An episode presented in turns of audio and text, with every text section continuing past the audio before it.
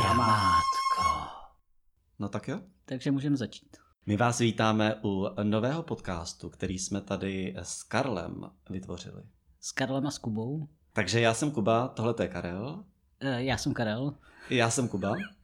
Abyste v tom náhodou třeba jako neměli guláš. Přesně tak. Já si myslím, že bychom se třeba mohli popsat navzájem.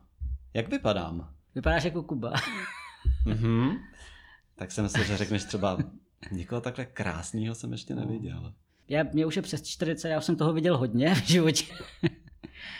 a začal jsem toho hodně. No a tak ty jsi takový blondák, krátkovlasý. Takže já mám teďka henu na hlavě, víš. Aha, jo, nevím. No, no, no, takže Já jsem ani nevěděl, že se hena dává na hlavu. ta se dává všude. Vysoký, blondětý, To je krásný, no, tak to, takhle, krásný, mladý, takhle mě perspektivní. nikdy ještě nikdo nepochválil, děkuju. Jsi takový prostě vysoký blondětý, no. No a ty seš menší než já, o asi tři metry. Máš černý vlasy přirozený. Ne, mám tmavě hnědé vlasy. Jo, takhle, až takhle do Mm. takových detailů půjdeme. Máš víc ochlupení než já. Ale co nás spojuje, to bychom měli říct. Nás spojuje to, že jsme queer, To je jedna z věcí, co nás spojuje. Ale spojuje nás i to, že máme nějaký svůj osobní příběh. A ten bychom tady mohli dneska říct. To máme, asi jako každý má svůj osobní příběh, že jo? Jo, aha, takže jsme vlastně spojení úplně se všema s váma, s váma posluchačema. Ale určitě jakože dneska může být eh, dobrý čas na to, aby jsme v tomhle úvodním díle popovídali něco o našich osobních příbězích a v příštích dílech se mohli věnovat něčemu zajímavějšímu.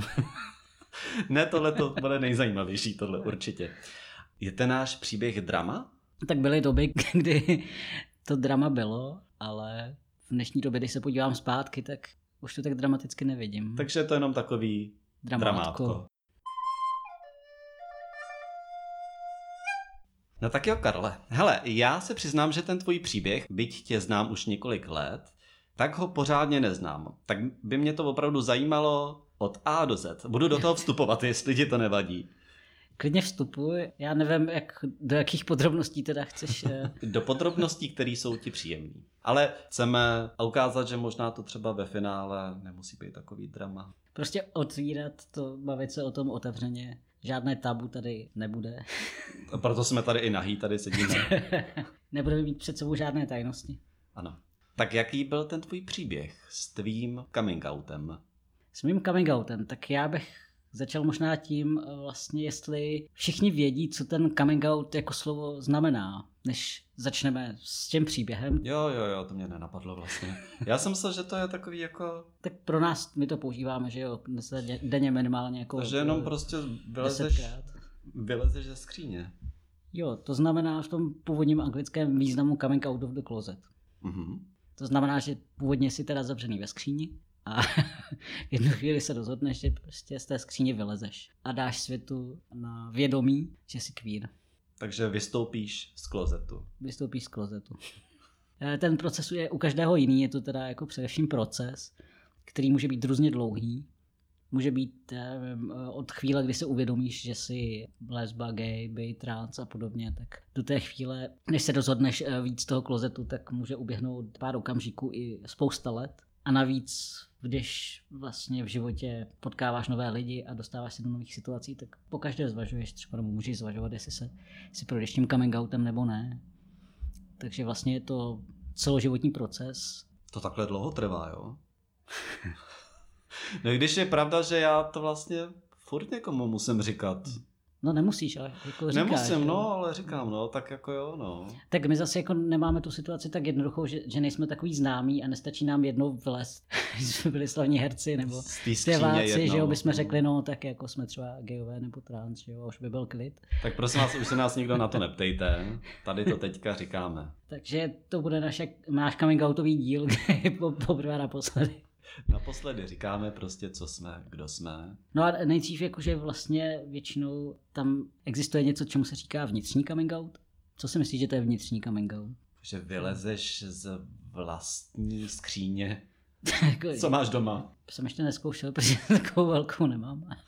To já jsem dělal, když jsem byl malý, tak v IKEA jsem se schovával. A, takhle. vidíš, tak si začínal takhle brzo. Já už brzo, no, no, no. No, tak ten vnitřní, jakože si to uvědomíš sám pro sebe.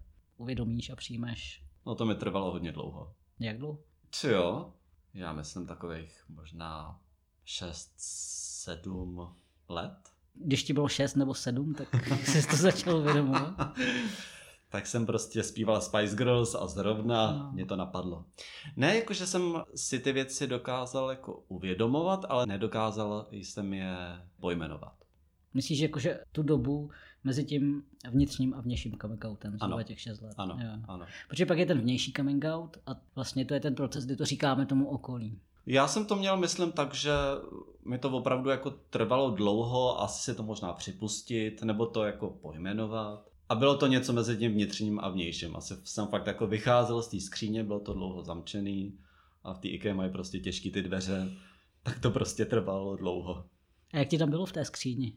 Teď si ten pocit vůbec nepřipouštím nebo neuvědomuju, ale bylo to takový jako, že furt něco tajíš, to bylo takový otravný.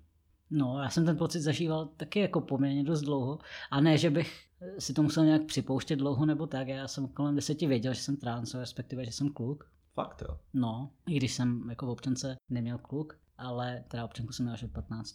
A už si věděl, že budeš mít občanku. A už jsem věděl, že co tam tam bude mít. a, a že to nebude korespondovat spolu. No a každopádně v 10, v 11 už jsem věděl, že jsem kluk. Od 14 už jsem sám pro sebe, používal jsem mužský rod. Ty jsi teda byl daleko progresivnější než já. Ale nebyl jsem schopný o tom mluvit s těma lidma kolem. Prostě jsem měl strašný strach jim to říct a doma teda taky nebyli moc naklonění těm queer věcem. Tak jsem to vyzkoušel vlastně na spolužačce, to bylo tuším na střední a teď už si ne, nepamatuju, kolik mi bylo, ale mohlo by být něco kolem 15 let nebo nějak tak.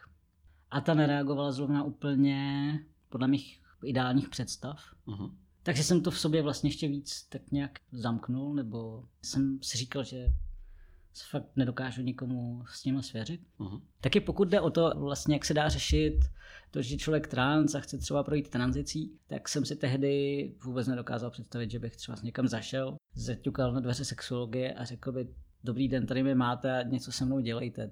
To jakože pro mě bylo nepředstavitelné, protože jsem byl strašně nesmělý a Hmm. prostě strašně jsem se styděl. Takže ani na té střední si neměl nikde jako nějakého kámoše, kamarádku, který by opravdu to pochopil? Nikoho, kdo by to vložen pochopil, jsem tam jako nevnímal, že tam je, jenže jsem se pak vlastně od té kamarádky, která se to ode mě dozvěděla jako první, tak jsem se shodou okolností před časem, kdy jsem tak prošel takovým hodně veřejným coming outem a ona to taky poslouchala. A došlo jí, že to je ona, jako že se tam o ní zmiňuju. Takže Aha, došlo jí to. jí to došlo, tak se mi ozvala. A vlastně mi sdělila takovou pro mě naprosto šokující věc. Jakože tehdy reagovala tak, protože vlastně nechápala, proč s tím svěřuju, proč jí to říkám, to všichni o mě už jako ví, nebo všichni asi ví, o co jde, jenom nikdo o tom nemluvil. Vždycky jako vypadal jsem dost klukovsky, lidi mě měli za kluka. Když se náhodou zeptali třeba si, si kluk nebo holka, tak když už jsem měl pak občanku, tak jsem mi ukazoval tu občanku, protože jsem mi nebylo úplně příjemné jim třeba jako říkat, jsem to nebo jsem ono. Chápu. No a jak to třeba probíhalo doma, tohleto? Bavili jste se o tom vůbec, nebo No. jako se to ignorovalo? Nebavili jsme se o tom. Já, jako oni měli podezření, že jo? když mi bylo, myslím, že kolem těch 15, tak běžel nějaký dokument v televizi o trans lidech a pak někdo jako z rodičů za mnou přišel, myslím mamka nebo se sestrou. Ptali se mi, jestli to náhodou nejsem já. A já jsem to tehdy úplně popřel. Prostě jsem neměl tu sílu, nebo jsem nebyl schopný se o tom bavit s nima. Aha. Takže eh, jsem tak nějak odsunul na neurčito ten svůj domácí coming out. No a jak šel čas a mě bylo vlastně 18, tak jsem začal propadat takové malé depresi. A když jsem si říkal, že čas letí, od 18 jsem věděl, jako, že oficiálně s tím jde něco dělat, třeba přes tu sexologii, jenže toho já jsem nebyl schopný. No a co teď? No, tak jsem, A nebyl jsi toho schopný, proč? Prostě někam zajít a začít to řešit? no to jsem nebyl, to jsem byl tak nesmělý, že jsem nebyl schopný. Mhm. No a teďka vlastně teď jsem měl v listopadu výročí, když bylo 17. listopadu a bylo mi 19 let, tak už jsem nevěděl nějak dál a pokusil jsem se o sebevraždu. Mhm. Takže to je vlastně 1999 to bylo vlastně Aha. výročí mojí sebevraždy. A Někdo slaví eh, výročí sametové revoluce, někdo výročí sebevraždy. Já oboje. Já od této chvíle budu s tebou. To spíš jako to, že jsem to přešel. Protože jsem si vzal nějaké prášky a vůbec nevím, co se dělo. Ale vím, že mě odvezli do blázince, protože jsem mluvil z cesty. Mhm. Ty prášky evidentně jako se mnou neudělaly nic hrozného. To byla půlplata pro hypnolu. Já, si dávám ke snídani. Já vůbec nechápu tu logiku z dnešního pohledu, proč jsem si vzal jenom půl plata, že jo? Když se mnou půl plata nic neudělalo, tak, no, na, tak na co ta, to, to druhá? Mohl si přisypat, viď? No tak jsem rád, že to nebylo víc nakonec, že, to, že tak jako tak, já taky. Tak akorát vyšlo. Aha. Prošel jsem si tehdy hodně tesným kolečkem v tom, si tomu říká psychiatrická nemocnice, ale tehdy se tomu říkalo psychiatrická léčebna v Opavě. Já jsem tam nastoupil do uzavřeného oddělení, takže mi tam vlastně hned první den sflekli ze šatu úplně komplet a, a dali mi tam erární a měli jsme tam erární příbory a úplně jako, že prostě člověk tam přijde o všechno, včetně lidské důstojnosti, jako bylo to šílené. Aha. To bylo ženské, uzavřené oddělení byly tam ženy, co byly třeba v Mánii, takže tam bylo hodně křiku a hluku a, a to ve dne i v noci a podobně. Pak je tam třeba v noci přikultovávali, no jakože bylo to šílené, no a těch pět dní se táhlo, asi, asi nejhorších pět dní v mém životě. Ale pak mi dali na polu zavřené oddělení, to už jsme dokonce mohli i ven na chvilku. A skončil jsem na otevřeném, kde byl nějaký program, asi pěti, šesti týdení. Já jako VIP host jsem to měl sedmi týdení. Toho tady nechte díl. Protože se mi tam tak líbilo, že jsem si to prodloužil na sedm týdnů. A přistupovali k tobě jako k ženě ano, celou dobu? protože tak já jsem tam nikomu neříkal, že vlastně jsem trans. A myslíš, že kdyby si tam někomu řekl, ale chci, abyste ke mně přistupovali jako k muži, že by to někdo tam dodržoval? No já se k tomu právě chci dostat. Dobře, dobře. Protože na tom otevřeném oddělení tam byla taková jako mladá sympatická psycholožka a po nějakém čase jsem vlastně vůči ní pojal takovou důvěru, že jsem se rozhodl jí svěřit tady s tímhle. Akorát to moje svěření vypadalo tak, že já jsem třeba tehdy psal básničky, tak jsem prostě vzal jednu, kde jsem si říkal, no tak je to tam takové trošku schované, ale úplně otevřeně to říct nedokážu. Ta básnička je o tom, jako, že prostě lidem asi lžu nebo něco v tom směru, no, což je právě o tom, co jsi mluvil, jako, že si něco tajil a nebylo to úplně příjemné. Tak já jsem za ní přišel s tím, že něco tajím a není mi to úplně příjemné ale neřekl jsem úplně konkrétně, o co se jednalo. A ona naštěstí byla taková prozíravá, že tušila, že zatím něco může být a prostě to za mě tahala a tahala. A na konci té hodiny už mě teda hodně popoháněla, protože už neměla moc času. tak už jdi s barvou ven. tak jsem šel. jsem se rozhodl, že jí to řeknu, no a ona reagovala úplně skvěle. Ona se eh, vlastně ke mně od té doby chovala jako ke klukovi. Jako ostatní lidi třeba v té léčebně s tím měli trošku problém, ale eh, ona třeba ne, tak za to hmm. jsem jí fakt vděčný. No a krom toho mi dala nějaké kontakty na tu ostravskou sexologii, tak jsem je využil. A tak nějak jsem oficiálně, když mi bylo 19, tak jsem oficiálně začal ten proces tranzice. No ovšem ostravská sexologie tehdy kolem roku 2000, tak, eh, tak byla v takovém stavu, že jsem prchal do Prahy potom. Říkáš kvalitní ale nebyl jsem z toho úplně nadšený a nebyl jsem s tím úplně spokojený. Mm-hmm. Ono to možná bylo, jakože samozřejmě byl to standard, možná tehdy se bralo a bere se to na některých sexologích podobně, že budou prostě člověku házet klacky pod nohy a prodlužovat to maximálně, aby se ověřili, že opravdu to chce, že je trans, aby nedošlo k nějakému omelu. Přitom by si to dalo dělat třeba i jinak, že, jo? že by si s člověkem povídali. No, to si tady budeme tady vypovídat. No, tak jsem to potom řešil přes Prahu, kde to šlo trošku víc šup šup. A jak dlouho vlastně ta tranzice trvala? Nebo trvá pořád, nebo je to taky takový jako proces, který můžeš považovat za ukončený?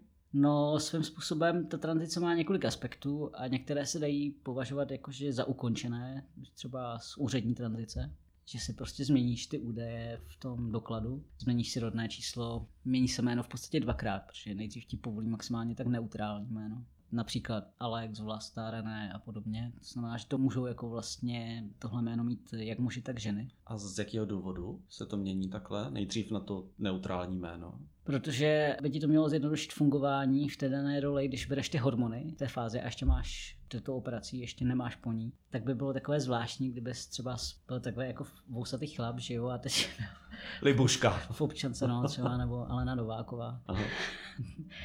tak eh, to je jakoby takový ústupek ze na druhou stranu jako trošku oprus, že člověk musí vlastně to jméno na všech dokladech a ve všech institucích a takhle měnit dvakrát. Že? Si musíš oběhat všechny banky a školy a práce a všechno a prostě se tam dvakrát změnit. Uh-huh. Přitom to není zákonná podmínka, to neutrální jméno, ale vyžaduje to právě ta komise a ta komise, která schvaluje ty operace, tak to je zákonná podmínka u nás. A co se týče sterilizace, o tom hmm. jsem slyšel, nikoho jsem se vlastně na to nikdy nezeptal. Je to podmínka, kterou musíš splnit, aby si byl teda prohlášen v občance za muže? Ano, přesně tak. U nás je to jedna z těch zákonných podmínek, na základě kterých si můžeš upravit ty údaje v té občance. Takže ano, musíš absolvovat tu chirurgickou sterilizaci, pokud si chceš změnit ty údaje. A je to nevratný proces, takže to lidi docela zvažují a v současné době čím dál tím víc lidí, kteří nejsou ochotní do toho jít a zůstávají právě v tom mezistavu, kde mají třeba to neutrální jméno a v občance pohlaví, které naprosto nekoresponduje s tím, jak vypadají nebo jak se cítí. Takže v občance eh, s neutrálním jménem mají lidi pořád to svoje původní pohlaví. No, to třeba původní, původní rodné číslo, původní označení toho pohlaví. Všechno. Hmm. Takže tak to u nás funguje. A co se týče jiných aspektů tranzice, tady je ten sociální aspekt ještě a možná i ten coming outový. A to jsou třeba aspekty, coming outový ve smyslu, že se člověk pořád jakoby poznává i po téhle stránce, možná do konce života a nějak si trošku rozšiřuje to vědomí o sobě, o svojí genderové identitě, sexuální orientaci a podobně.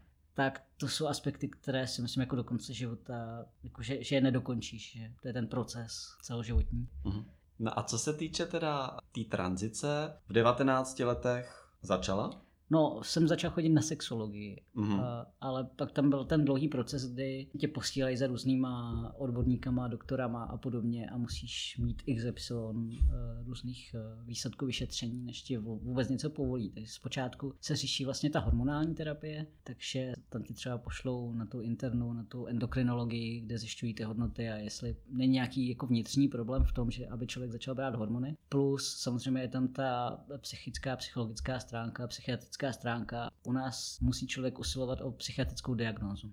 No a když se vrátíme k tvojí tranzici, tak v jakých fázi třeba si potom přišel za rodičema a řekl si jim, tak teď jsem Karel. no, já jsem jim to v podstatě nikdy takhle otevřeně neřekl. Aha. To byla taková schoda okolností, kdy, kdy jsem tehdy žil v Ostravě tak jsem uh, měl takového asi nejlepšího kamaráda a jeden den jsme si vlastně sedli na schody u nás uh, v baráku a bavili jsme se o těchto z těch věcech a procházeli svýma coming outama.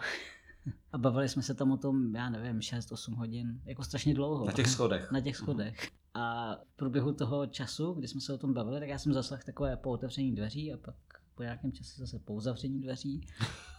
Maminka.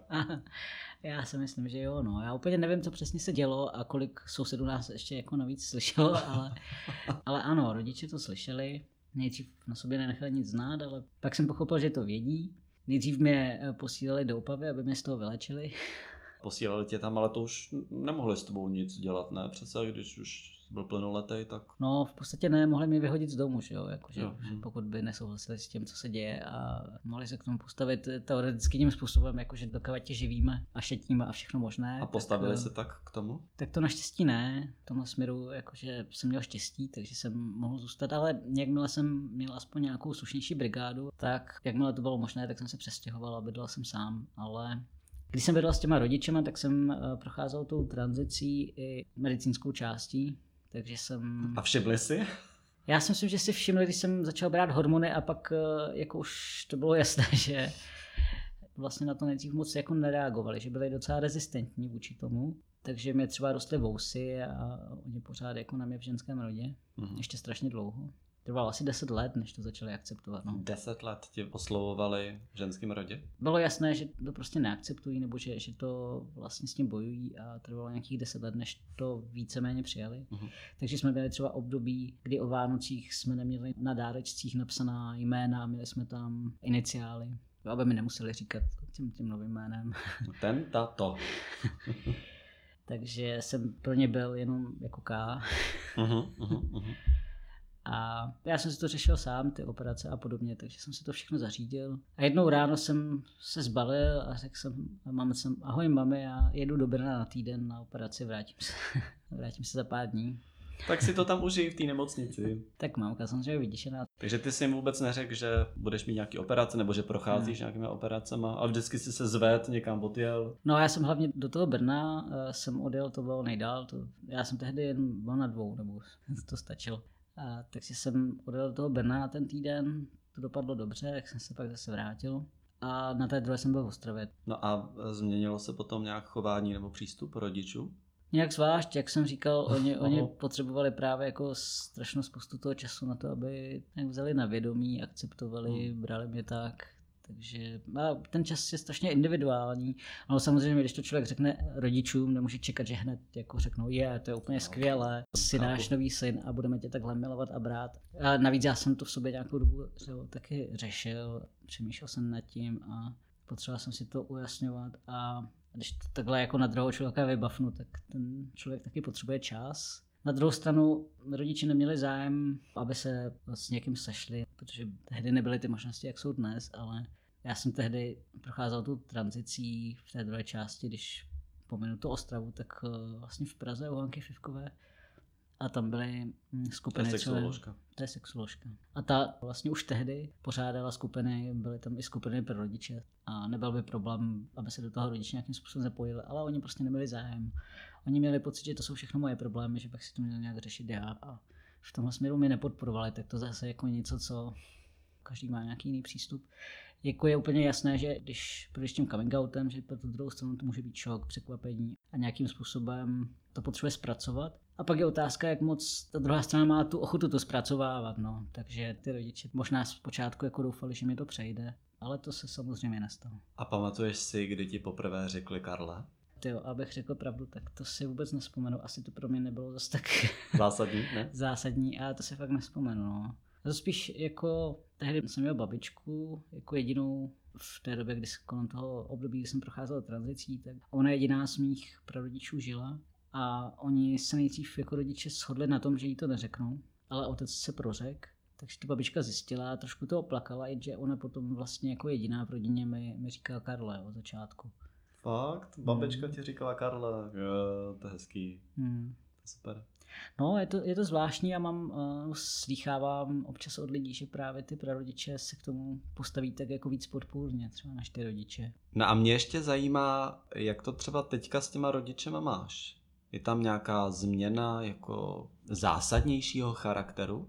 Tak v současné době ta nejzásadnější změna je, že oproti vlastně situaci před 20 lety mám o 50% méně rodičů, než jsem měl. Asi o 50 uh, kilo méně, než jsem měl. Co spíš víc. tak otec bohužel v současné době už nežije, takže s rodinami, a babička už taky ne, takže s rodinami teďka zůstala mamka a sestra. Uh-huh. No a prostě já bych řekl, že od té doby od té doby, kdy to jakž tak začali akceptovat, se do dnešní doby jako nic moc nezměnilo. Že největší problém s tím měla a myslím, že pořád má moje sestra, která je o dva roky mladší. Tak i přesto s tím může mít ta nejmladší generace problém. Hmm, tak je to fakt nastavení jako jednotlivce. Hmm. A pořád si myslím, že bojuji s těma rodama, i když je neslyším. Mamka se občas přeříkává, pořád. Taková nejtrapnější situace třeba je, když se přeřekne před nějakou třetí osobou ale to se naštěstí nestává to se tak často. Uh-huh. A je něco, co tě mrzí nejvíc? Mě to mrzelo, ať už jsem byl v jakékoliv roli, jestli v té dívčí nebo v té chlapecké, že jsem třeba s otcem moc, jsme moc netrávili spolu čas, jak jsem chtěl, třeba s nějakým sportem, nebo tak on byl taky o dost starší oproti mamce tak jsme spolu hráli maximálně dámu a v té on je vždycky porazil. Tak aspoň taková vzpomínka na něj. Ale trošku mi mrzelo, že jsme spolu třeba nedělali nějaké jako sportovnější aktivity nebo možná nějaké jako víc aktivit. Nebo že jsme spolu víc nepovídali. Vlastně my jsme si spolu povídali víc až v době, kdy já jsem si, když mi bylo kolem 30, konečně udělal řidičák, což bylo teda pro rodiče jednak překvapení. I pro mě. Jsem myslel, že ty jízdy nedám. Udělal jsem jízdy na třetí pokus. Jako test byl v pohodě, ale jízdy to byl masakr. Takže řidičák byl horší než tranzice. no, svým způsobem. Byla to, a jako pro rodiče to byla velká chvíle.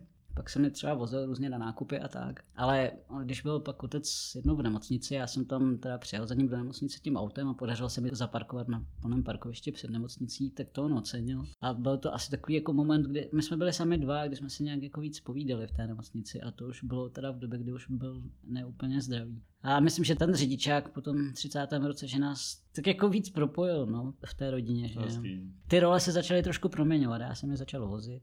A vzpomínáš na něco fakt hezkýho? A nebo byl nějaký jako moment, kdy třeba bylo jako nějaký v uvozovkách probuzení ze strany rodiny, co tě třeba překvapilo příjemně? No byl to vlastně moment, kdy otec se mi svěřil, že mě věděl nějaký jeho známý. To už bylo nějakou dobu po tranzici a že prý vypadám dobře a on se u toho smál a vlastně to byl, myslím, taky jako pro něj zásadní moment, že to začal přijímat líp protože rodiče měli vlastně zpočátku takový ten jeden z těch největších strachů, jednu, jednu z největších obav, jak to vlastně vezmou druzí, Hmm. nebo jak to vezmou lidi. To se strašně báli a pak zjistili, že to lidi berou celkem v pohodě. Takže to si myslím, jako, že jim hodně pomohlo v tom, že oni to pak začali taky trošku brát. Hezký, hezký. No tak to máme takový pozitivní nádech. Aspoň u konce. Konce s dechem. Kdybych měl ještě jako něco dodat k tomu coming outu, ale my se ještě jako budeme dál bavit o tom coming outu, že ho úplně nekončíme, ale pokud někdo zvažuje coming out obecně, tak jako zpočátku mají všichni lidi strach. To můžeš taky potvrdit, že jo, Kubo? Ano, ano, ano, ano. ano. Jo, pořád. No někteří mají strach celý život, Ano. ale, ale hlavně zpočátku je to úplně přirozené, že se všichni bojí, jak to třeba druzí přijmou, jak to bude probíhat, jestli se něco změní nebo nezmění mezi mnou a tím člověkem, kterému to říkám. To je. Taková jako hodně častá obava. Ta, ta obava je fakt asi jako největší. Nakolik se ten vztah změní nebo ne. Hmm. A moje zkušenost po těch letech, a je spousty coming outů, kterými jsem prošel, tak můžu říct, že drtivá většina byla úplně v pohodě a že se vlastně prakticky nic nezměnilo. A jestli se změnilo, tak možná na chvilku a potom na to ten člověk zapomněl, nebo prostě potom už to pro něj nehrálo roli zase. Přece jenom lidi si zvyknou a přestanou to řešit. Nemůžu říct, že všechny případy dopadnou a dopadly dobře, ale z velké většiny to dopadlo dobře. V tomhle směru jsem docela v současné době optimista a už se tolik nebojím. Takže to, co se zdálo jako drama, je teďka už jenom Dramátko. No ale pořád jsme se ještě teda nedozvěděli nic o tom tvém příběhu. Ne, ne, ne, jen ať se posluchači těší na příště.